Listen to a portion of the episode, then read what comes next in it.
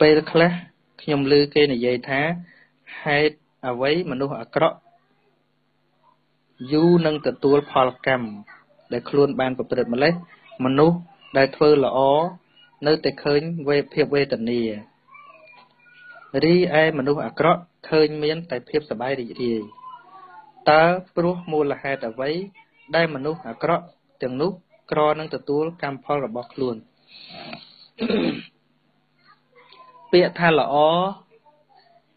វាអត់មានពាក់ព័ន្ធនឹងរឿងងាប់យូរងាប់ឆាប់ទេរឿងរឿងល្អណាប៉ុន្តែវិធីសាស្ត្រដែលគេរស់នៅបានស្រួលឬអត់អាស្រ័យលើឧបាយនៃការប៉ិនប្រសពរបស់គេគណៈប្រសពខ្លះប្រសពក្នុងរឿងខូចប្រសពខ្លះទៀតប្រសពនៅក្នុងរឿងល្អបើមនុស្សល្អហ្នឹងមានភាពវៃឆ្លៀសនៅក្នុងការរស់វាស្រួលដូចតែគ្នាហ្នឹងចឹងហើយបានពពុទ្ធ ឲ្យធ្វើសេចក្តីល្អប៉ុន្តែត្រូវធ្វើជាមួយនឹងបញ្ញាយល់ទេឲ្យធ្វើជាមួយនឹងបញ្ញាអឺដូចយើងនិយាយថាស្លូតស្លាប់កាចមានភពអាយុយឺនយូរវិញនោះស្លូតស្លាប់ហ្នឹងស្លូតដូចដូចខ្មែរយើងដល់ច្រើនអញ្ចឹងគេបោកបានរហូតព្រោះក៏អត់ចេះកុហកគេអញ្ចឹងអត់ក៏អត់ចេះ trick ទេក៏អត់ចេះល្បិចទេតែគេនិយាយមកអីជឿនិយាយមកអីជឿអាហ្នឹងស្លូតស្លាប់ ហើយពពុទ្ធមិនមែនបរៀនឲ្យមនុស្សទៅជាអញ្ចឹងទេឲ្យមនុស្សឆ្លាតឲ្យមនុស្សមានបញ្ញាបញ្ញាអាចដោះខ្លួនឲ្យរួចពីសេចក្តីទុក្ខបានដូចជាតាំងពីការនិយាយក៏ដោយ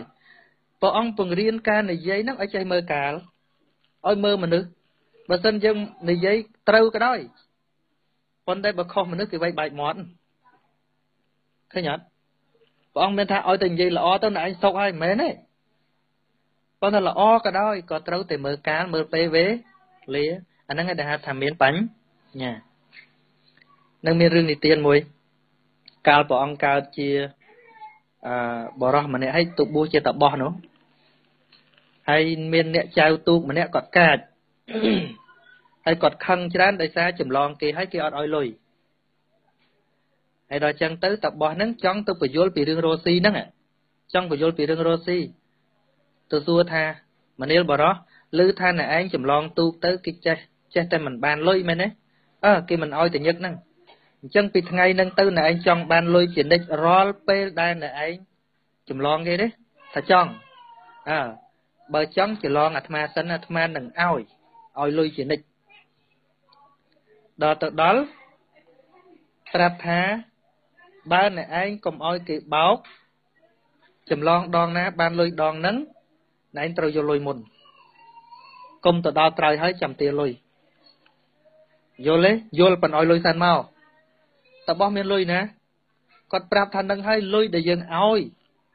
យើបោកប្រះអញផងដាក់បែកមាត់កញ្ចប់ហ៎បែកកញ្ចប់មាត់ស្លប់ដាក់ប្រមាណជង្គង់ថែមប្រមាណកែងទៅស្លប់ឈឹងស្លប់ឈឹងអ្នកស្រុកមករឺតម្រុំតែដឹងខ្លួនវិញអង្គុយទេសនាប្រាប់អ្នកស្រុកហ្នឹងហ្មងប្រាប់ថា មនាលអ្នកទាំងឡាយកុំចេះតែនិយាយពាក្យល្អក៏ដោយ ពាក្យយើងដាស់តឿនគេឲ្យល្អក៏ដោយ បើយើងមិនមើលបុគ្គលទេ មិនស្គាល់បុគ្គលដែលយើងនិយាយទេនឹងបែកមាត់ដូចអាត្មាអញ្ចឹងអញ្ចឹងដូច្នេះមិនត្រឹមតែល្អទេ ត្រូវមានបញ្ញាទៀតពុទ្ធបរិញ្ញាអញ្ចឹង បើមនុស្សល្អនឹងមានបញ្ញាហើយព្រះអង្គថាមនុស្សមានបញ្ញាមានខ្លួនឯងជាទីពឹងហើយយល់ទេហ្នឹងហើយយើងឃើញមនុស្សល្អល្អចេះតែស្លាប់គឺមនុស្សអត់ឆ្លាតមនុស្សអត់ប្រើបញ្ញាដោយច្រើនណាមិនមែនថាមានបញ្ញាមិនស្លាប់វាមនុស្សអត់ស្លាប់ចឹងប៉ុន្តែគ្រាន់ថាដោយច្រើនមនុស្សខ្លះរស់ស៊ីស្លូតត្រង់ចេះតែត្រូវគេធ្វើបាបចេះទៅយើងមើលមើល ការយល់ដឹងគាត់អត់ព្រមយល់ដឹងឧទាហរណ៍ថាឥឡូវមានគ្រូបោកមកកកុកស្រុកខ្មែរចឹងងាប់តែគេបោកហ្នឹងតែមិនចឹងគាត់ធ្វើប៉ុនមកយោនៅតែចាញ់បោកគេអើវាសំតែចាញ់បោកឯងព្រោះគាត់អត់ឆ្លាតផងពុទ្ធបរិញ្ញាឲ្យឆ្លាតពុទ្ធបរិញ្ញាឲ្យមានបញ្ញាបញ្ញាហ្នឹងហើយហើយរឿងមនុស្សល្អអាយុវែងមកកកោកហ្នឹងតែយើងមើល សម្ដេចជួនណាតបញ្ជូន8ម៉ាន86ឃើញទេហើយចៅគេវៃងាប់មកកកោកហ្នឹងរឿងអាយុអារឿងវែងរឿងខ្លីអត់អីមនុស្សយល់ពីសេចក្តីល្អពិតប្រកបគេឈប់គិតរឿងវែងរឿងខ្លីគេគិតតែរឿងថាតើពីរស់បានធ្វើអីជាអំពើល្អដល់សង្គមតែប៉ុណ្ណោះនឹងមានប្រយោជន៍រស់នៅក៏គេស្រឡាញ់ងាប់ទៅក៏គេស្ដាយ មនុស្សអាក្រក់ហ្នឹងរស់ដូចពស់អះងាប់ដូចពស់រស់ដូចកែបហើយរស់នៅគេបចោរាល់ថ្ងៃហើយដល់ងាប់គេសាធុរស់អញ្ចឹងយើងឃើញសុបាយស្អីនៅក្នុងបដាសាគេរហូតចឹងហើយដោយរដូវកាលនេះជារដូវខែផត្តបុត្រ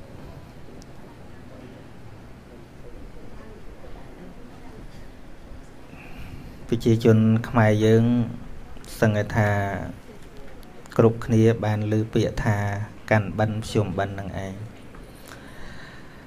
ជាតិសាសន៍ដតីក៏គេមានពាក្យថ្ងៃភ្ជុំចឹងដែរប៉ុន្តែអត់មានថ្ងៃកាន់បិណ្ឌដូចយើងឯងយើងមានលើសគេបន្តិច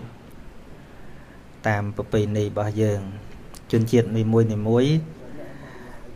ថ្ងៃដែលគេជួបជុំថ្ងៃគេសែនថ្ងៃអីហ្នឹងគេហៅថ្ងៃភ្ជុំរបស់គេមានភ្ជុំចិនមានភ្ជុំកូរ៉េភ្ជុំហ្នឹងគឺមកពីពាក្យថាប្រជុំហ្នឹងជួបជុំការជួបជុំហ្នឹងគឺហៅថាភ្ជុំអឺខ្មែរយើង មាន15ថ្ងៃហ្នឹងតាំងពី1រោចមកហ្នឹងហៅថាថ្ងៃកាន់បិណ្ឌថ្ងៃកាន់បិណ្ឌគេដាក់វេនគ្នាចែកវេនគ្នា ដល់ថ្ងៃចុងក្រោយបានគឺសរុបជួបគ្នាឆ្លងអញ្ចឹងហើយបានជាថ្ងៃចុងក្រោយហ្នឹងហៅថាថ្ងៃភ្ជុំបាទរហូតដល់ទៅការកាន់បិណ្ឌភ្ជុំបិណ្ឌហ្នឹងប្រជាពលរដ្ឋខ្មែរយើងហ្នឹងគិតថាជាបុណ្យរបស់ពុទ្ធសាសនាទៅហើយមែនទេសពថ្ងៃភាកច្រើនយល់ចឹងណាធាតពិត បុណ្យកាន់បិណ្ឌភ្ជុំបិណ្ឌនេះគឺជាបុណ្យប្រពៃណីជាតិសុទ្ធហ្មងអត់មែនជាអឺការណែនាំពយល់បង្ហាញពីព្រះសម្មាសម្ពុទ្ធមកថាអូឲ្យទៅដល់ខែហ្នឹងអ្នកកាន់ Buddhism កាន់ពុទ្ធសាសនាហ្នឹងត្រូវតែធ្វើកាន់បិណ្ឌត្រូវតែធ្វើភ្ជុំបិណ្ឌហ្នឹងអត់ទេអត់ទេពុទ្ធអត់បានពឹករៀនមកអញ្ចឹងទេ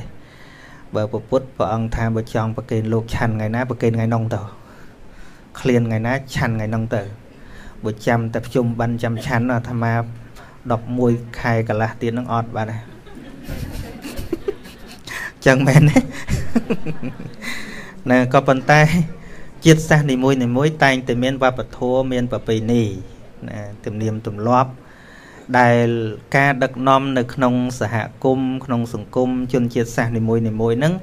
វាត្រូវពាក់ព័ន្ធជាមួយនឹងច្បាប់ពាក់ព័ន្ធនឹងរដ្ឋពាក់ព័ន្ធនឹងជំនឿពាក់ព័ន្ធនឹងប្រពៃណីវប្បធម៌ការបង្កើតឡើងហ្នឹងសុទ្ធតែនៅក្នុងគោលបំណងការ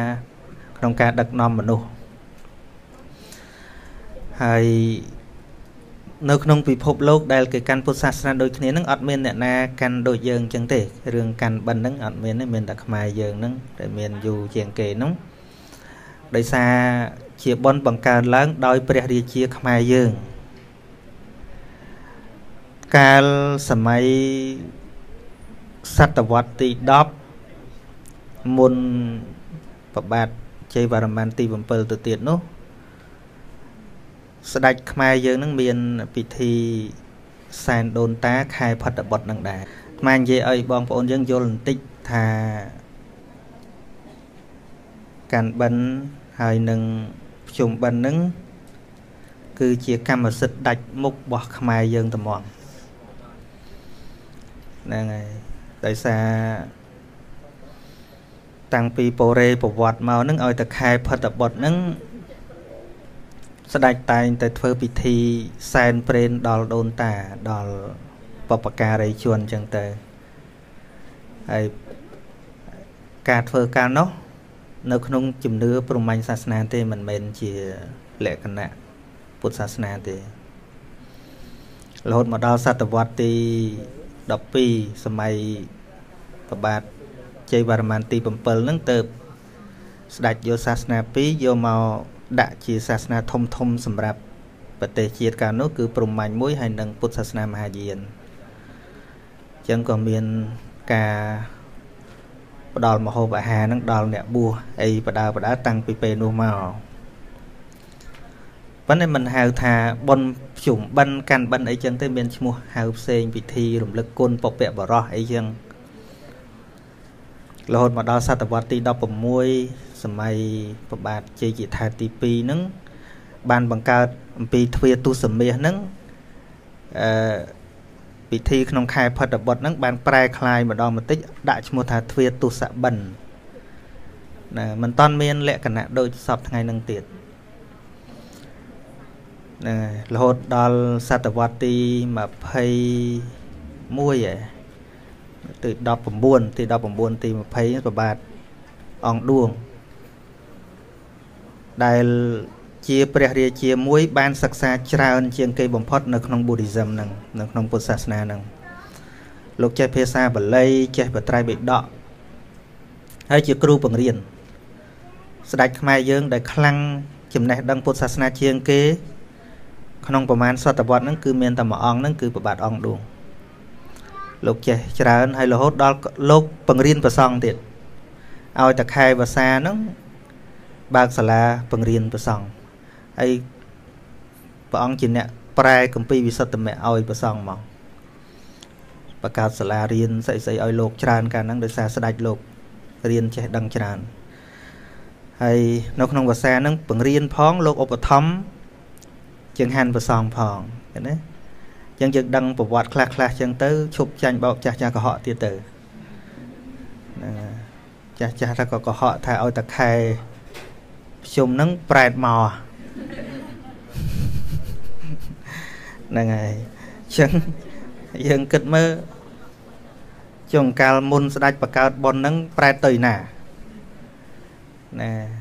ហើយតាមពងសាវតាដែលសិក្សាមើលទៅ ការដែលព្រះអង្គបកើតនោះក៏អត់មានពិធីផ្ដេសផ្ដាស់ដូចយើងឥឡូវច្រើនទេពីព្រោះព្រះអង្គជាអ្នកសិក្សារៀនសូត្រជាបញ្ញវន្តគ្រាន់តែបង្កើត កម្មវិធីឧបត្ថម្ភប្រសង់រយៈកាលកន្លះខែនោះហ្នឹងហើយហើយដល់តែថ្ងៃភ្ជុំបិណ្ឌហ្នឹងគឺនិមន្តប្រសង់ទេសនាហៅថាគាថាពន់និមន្តលោកណាដែលចេះដឹងច្រើនហ្នឹងមកសម្ដែងធម៌ពេលដែលថ្ងៃបញ្ចប់ភ្ជុំហ្នឹងនឹងចឹងហើយក៏រៀបឲ្យទៅជាតម្រងពីមុនមកបាត់ណាបាត់ណីមិនតន់ទៅជាប្រពៃណីជាតិមែនទេទេគឺត្រឹមប្របាទអង្គឌួងហ្នឹងបានលោករៀបចំឲ្យទៅជាលក្ខណៈពុទ្ធនិយម ពីព្រោះលោកជាអ្នកសិក្សាចេះដឹងច្រើនហើយម្យ៉ាងទៀតក៏ពាក់ព័ន្ធនឹងស្រុកទេសយើងកាលនោះ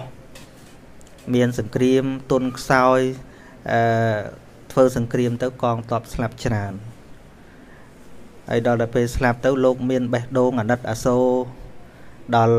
យុទ្ធជនដែលស្លាប់ទៅនឹងហើយក៏ប្រទេសយើងក្រីក្រគ្មានស្អីទៅចែកទៅលើកទឹកចិត្តដល់គ្រួសារ របស់អ្នកដែលស្លាប់ទៅទាំងចឹងមានតែធ្វើពិធីបុណ្យជាតិមួយដើម្បីរំលឹកទៅដល់យុទ្ធជនទាំងអស់នោះទូទាំងប្រទេសចឹងទៅក៏คล้ายជាបុណ្យជាតិចឹងទៅអានេះវាមានអត្តន័យល្អដែលគួរយើងដឹងប៉ុន្តែឥឡូវយើងវាលែងទៅរឿងហ្នឹងវាទៅជារឿងបើមិនទៅវត្តទេម៉ែឪជេរងាប់លើម៉ែថាម៉ែឪយើងដូចមិនចិត្តអាក្រក់អីដល់ម្លឹងទេមែនទេ មែនទេហ្នឹងហើយរហូតដល់អ្នកខ្លះថាបើមិនបានទៅ7វត្តទេហ្នឹងហើយឥឡូវយើងនៅនេះរួម7វត្តឯណាប៉ុន្តែជាប្រពៃណីជាវប្បធម៌យើងមិនចោលទេយើងត្រូវសិក្សាឲ្យដឹងថាតើវត្ថុបំណងដូចម្ដេចបានពពកបរោះយើងបង្កើតឡើងនឹងចឹងអញ្ចឹងយើងត្រូវដឹងថា អឺសម័យពីដើមក្រណមេក្រូមិនតាន់មានផងកុំថាឡើយដល់ទៅវិទ្យុទូរទស្សន៍ Facebook YouTube Google អីគ្មានទេអញ្ចឹងរាល់ការដឹកនាំប្រជារាស្ត្រនៅក្នុងសម័យនោះបើមិនបង្កើតព្រឹត្តិការណ៍ឲ្យមានការជួបជុំទេវាអត់មានឱកាសដើម្បីនិយាយពយល់មនុស្សអញ្ចឹងរាល់កម្មវិធីដែលពពកបរោះយើងបង្កើតឡើង សំខាន់គឺដើម្បីប្រមូលគៀងគោមនុស្សឲ្យមកជុំគ្នា ដោយលើកយកប៉ុននេះប៉ុននោះជាប្រពៃណីហ្នឹងដើម្បីយកមនុស្សមកអប់រំយកមកពន្យល់ណាពួកអត់មានវិសុផងហ្នឹងបើអត់មានអានងជាធ្នាក់តាកទាញចិត្តរបស់ប្រជាជនសម័យនោះដើម្បីមកជួបជុំគ្នាទៀតមិនដឹងនិយាយគ្នាយ៉ាងម៉េចពួកយើងវាអត់មានពេលជួបជុំមនុស្សរស់ស៊ីរៀងរៀងខ្លួនអញ្ចឹងវាត្រូវមានប្រពៃណីមានកម្មវិធីបន់មានអីហ្នឹងដើម្បីជាការអប់រំមនុស្សសម័យនោះ ហ្នឹងហើយយើងដឹងអញ្ចឹងទៅក៏យើងសិក្សាពីបំណងដូចយើងថ្ងៃនេះយើងនឹករលឹកថាយើងមានជាតិជាខ្មែរអញ្ចឹងទៅ ដល់កាន់បិណ្ឌយើងជុំគ្នាអញ្ចឹងទៅអានិសង្ឃដែលល្អពិតប្រកបមើលឃើញគឺយើងបានជួបគ្នានឹងតែហ្មងមែនទេហ្នឹងហើយអាជាតិក្រោយទៅណាណាអាត្មាមិនដឹងទេប៉ុន្តែឥឡូវហ្នឹងអានិសង្ឃដែលឃើញតនហនគឺបានជួបគ្នាបានរាប់អានគ្នា ក្នុងនាមជាជាតិសាសន៍មួយដែលមានភាសាដូចគ្នាហ្នឹងដោយមានអត្តសញ្ញាណថាខ្មែរដូចគ្នានោះមានវប្បធម៌មួយថាកាន់បិណ្ឌរបស់យើងហ្នឹងបានយើងមកហ្នឹងបើលើតែកាន់បិណ្ឌរបស់នរណាគេចាំតែមកតាមែនទេនៅវាមានអាមនោសញ្ចេតនាហ្នឹងអញ្ចឹងអានិសង្ឃហ្នឹងវាមានបច្ចុប្បន្នហ្នឹងបើយើងប្រើឲ្យត្រូវនឹងអាត្មាហើយដោយរដូវកាលនេះជារដូវខែ ផុតបុត្រ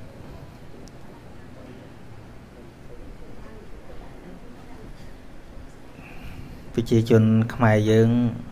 សឹងថាគ្រប់គ្នាបានលើពាក្យថាកាន់បិណ្ឌខ្ញុំបិណ្ឌនឹងឯងជាតិសាសន៍ដតីក៏គេមានពាក្យថ្ងៃភ្ជុំចឹងដែរប៉ុន្តែអត់មានថ្ងៃកាន់បិណ្ឌដូចយើងឯងយើងមានលើសគេបន្តិច តាមប្រពៃណីរបស់យើងជនជាតិនីមួយនីមួយថ្ងៃដែលគេជួបជុំថ្ងៃគេសែនថ្ងៃអីហ្នឹងគេហៅថ្ងៃភ្ជុំរបស់គេមានភ្ជុំចិនមានភ្ជុំកូរ៉េភ្ជុំហ្នឹងគឺមកពីពាក្យថាប្រជុំហ្នឹងជួបជុំការជួបជុំហ្នឹងគឺហៅថាភ្ជុំអឺខ្មែរយើង មាន15ថ្ងៃហ្នឹងតាំងពី1រោចមកហ្នឹងហៅថាថ្ងៃកាន់បិណ្ឌ ថ្ងៃកាន់បិណ្ឌគេដាក់វេនគ្នាចែកវេនគ្នា ដល់ថ្ងៃចុងក្រោយបានគឺសរុបជួបគ្នាឆ្លងអញ្ចឹងហើយបានជាថ្ងៃចុងក្រោយហ្នឹងហៅថាថ្ងៃភ្ជុំបាទរហូតដល់ទៅការកាន់បិណ្ឌភ្ជុំបិណ្ឌហ្នឹងប្រជាពលរដ្ឋខ្មែរយើងហ្នឹងគិតថាជាបុណ្យរបស់ពុទ្ធសាសនាទៅហើយមែនទេសពថ្ងៃភាកច្រើនយល់អញ្ចឹងណា ធាតពិតបុណ្យកាន់បិណ្ឌភ្ជុំបិណ្ឌនេះគឺជាបុណ្យប្រពៃណីជាតិសុទ្ធហ្មងអត់មែនជាអឺការណែនាំពយល់បង្ហាញពីព្រះសម្មាសម្ពុទ្ធមកថាអូឲ្យទៅដល់ខែហ្នឹងអ្នកកាន់ Buddhism កាន់ពុទ្ធសាសនាហ្នឹងត្រូវតែធ្វើកាន់បិណ្ឌត្រូវតែធ្វើភ្ជុំបិណ្ឌហ្នឹងអត់ទេអត់ទេពុទ្ធអត់បានពឹករៀនមកអញ្ចឹងទេ បើពុទ្ធព្រះអង្គថាបើចង់ប្រគេនលោកឆាន់ថ្ងៃណាប្រគេនថ្ងៃនោះទៅឃ្លានថ្ងៃណាឆាន់ថ្ងៃនោះទៅបើចាំតែភ្ជុំបិណ្ឌចាំឆាន់អាត្មា11ខែកន្លះទៀតនឹងអត់បាទចឹងមែនទេណាក៏ប៉ុន្តែជាតិសាសន៍នីមួយនីមួយតែងតែមានវប្បធម៌មានប្រពៃណីណាទំនៀមទម្លាប់ ដែលការដឹកនាំនៅក្នុងសហគមន៍ក្នុងសង្គមជនជាតិសាសន៍នីមួយនីមួយហ្នឹងវាត្រូវពាក់ព័ន្ធជាមួយនឹងច្បាប់ពាក់ព័ន្ធនឹងរដ្ឋពាក់ព័ន្ធនឹងជំនឿពាក់ព័ន្ធនឹងប្រពៃណីវប្បធម៌ការបង្កើតឡើងហ្នឹងសុទ្ធតែនៅក្នុងគោលបំណងការក្នុងការដឹកនាំមនុស្សហើយ នៅក្នុងពិភពលោកដែលគេកាន់ពុទ្ធសាសនាដូចគ្នានឹងអត់មានអ្នកណាកាន់ដូចយើងអញ្ចឹងទេរឿងកាន់បិណ្ឌហ្នឹងអត់មានទេមានតែខ្មែរយើងហ្នឹងដែលមានយូរជាងគេហ្នឹងដោយសារជាបនបង្កើនឡើងដោយព្រះរាជាខ្មែរយើងកាលសម័យសតវត្សទី10មុនប្របាទជ័យវរ្ម័នទី7ទៅទៀតនោះ ស្ដេចខ្មែរយើងនឹងមានពិធីសែនដូនតាខែផុតបុត្រនឹងដែរថ្មនិយាយឲ្យបងប្អូនយើងយល់បន្តិចថាកាន់បិណ្ឌហើយនឹងភ្ជុំបិណ្ឌនឹងគឺជាកម្មសិទ្ធិដាច់មុខរបស់ខ្មែរយើងត្មងហ្នឹងហើយដោយសារតាំងពីពរេប្រវត្តិមកនឹងឲ្យតែខែផុតបុត្រនឹង ស្ដេចតែងតែធ្វើពិធីសែនព្រេនដល់ដូនតាដល់បពការីជនអញ្ចឹងទៅហើយការធ្វើការនោះនៅក្នុងជំនឿព្រហ្មញ្ញសាសនាទេមិនមែនជាលក្ខណៈពុទ្ធសាសនាទេរហូតមកដល់សតវត្សទី12សម័យប្របាទជ័យវរ្ម័នទី7ហ្នឹងទៅស្ដេចយកសាសនា2យកមក ដាក់ជាសាសនាធំធំសម្រាប់ប្រទេសជាតិកាលនោះគឺព្រហ្មញ្ញមួយហើយនិងពុទ្ធសាសនាមហាយានអញ្ចឹងក៏មានការផ្ដល់មហូបអាហារនឹងដល់អ្នកបួសអីបដើបដើតាំងពីពេលនោះមកប៉ុន្តែមិនហៅថាប៉ុនភ្ជុំបិណ្ឌកាន់បិណ្ឌអីចឹងទេមានឈ្មោះហៅផ្សេងពិធីរំលឹកគុណពពកបរោះអីចឹងរហូតមកដល់សតវត្សទី16 សម័យប្របាទជ័យជាថាទី2ហ្នឹងបានបង្កើតអំពីទ្វាទុសមាសហ្នឹងអឺពិធីក្នុងខែផុតបុត្រហ្នឹងបានប្រែคลายម្ដងបន្តិចដាក់ឈ្មោះថាទ្វាទុសបិណ្ឌណាមិនតាន់មានលក្ខណៈដូចសពថ្ងៃហ្នឹងទៀតហ្នឹងហើយរហូតដល់សតវត្សទី21ឯទី19ទី19ទី20ប្របាទអង្គឌួង ដែលជាព្រះរាជាមួយបានសិក្សាច្រើនជាងគេបំផុតនៅក្នុង Buddhism ហ្នឹងនៅក្នុងពុទ្ធសាសនាហ្នឹងលោកចេះភាសាបាលីចេះបត្រៃបិដកហើយជាគ្រូបង្រៀនស្ដេចខ្មែរយើងដែលខ្លាំងចំណេះដឹងពុទ្ធសាសនាជាងគេក្នុងប្រមាណសតវត្សហ្នឹងគឺមានតែមួយអង្គហ្នឹងគឺប្របាទអង្គឌួងលោកចេះច្រើនហើយរហូតដល់លោកបង្រៀនប្រសង់ទៀតឲ្យតែខែភាសាហ្នឹង បើកសាលាបង្រៀនប្រសង់ហើយព្រះអង្គជាអ្នកប្រែកម្ពីវិសុទ្ធមៈឲ្យប្រសង់មកបង្កើតសាលារៀនស្អីស្អីឲ្យលោកច្រើនកាលហ្នឹងដោយសារស្ដេចលោករៀនចេះដឹងច្រើនហើយនៅក្នុងភាសាហ្នឹងបង្រៀនផងលោកឧបត្ថម្ភជាងហាន់ប្រសងផងឃើញទេអញ្ចឹងយើងដឹងប្រវត្តិខ្លះខ្លះអញ្ចឹងទៅឈប់ចាញ់បោកចាស់ចាស់កុហកទៀតទៅ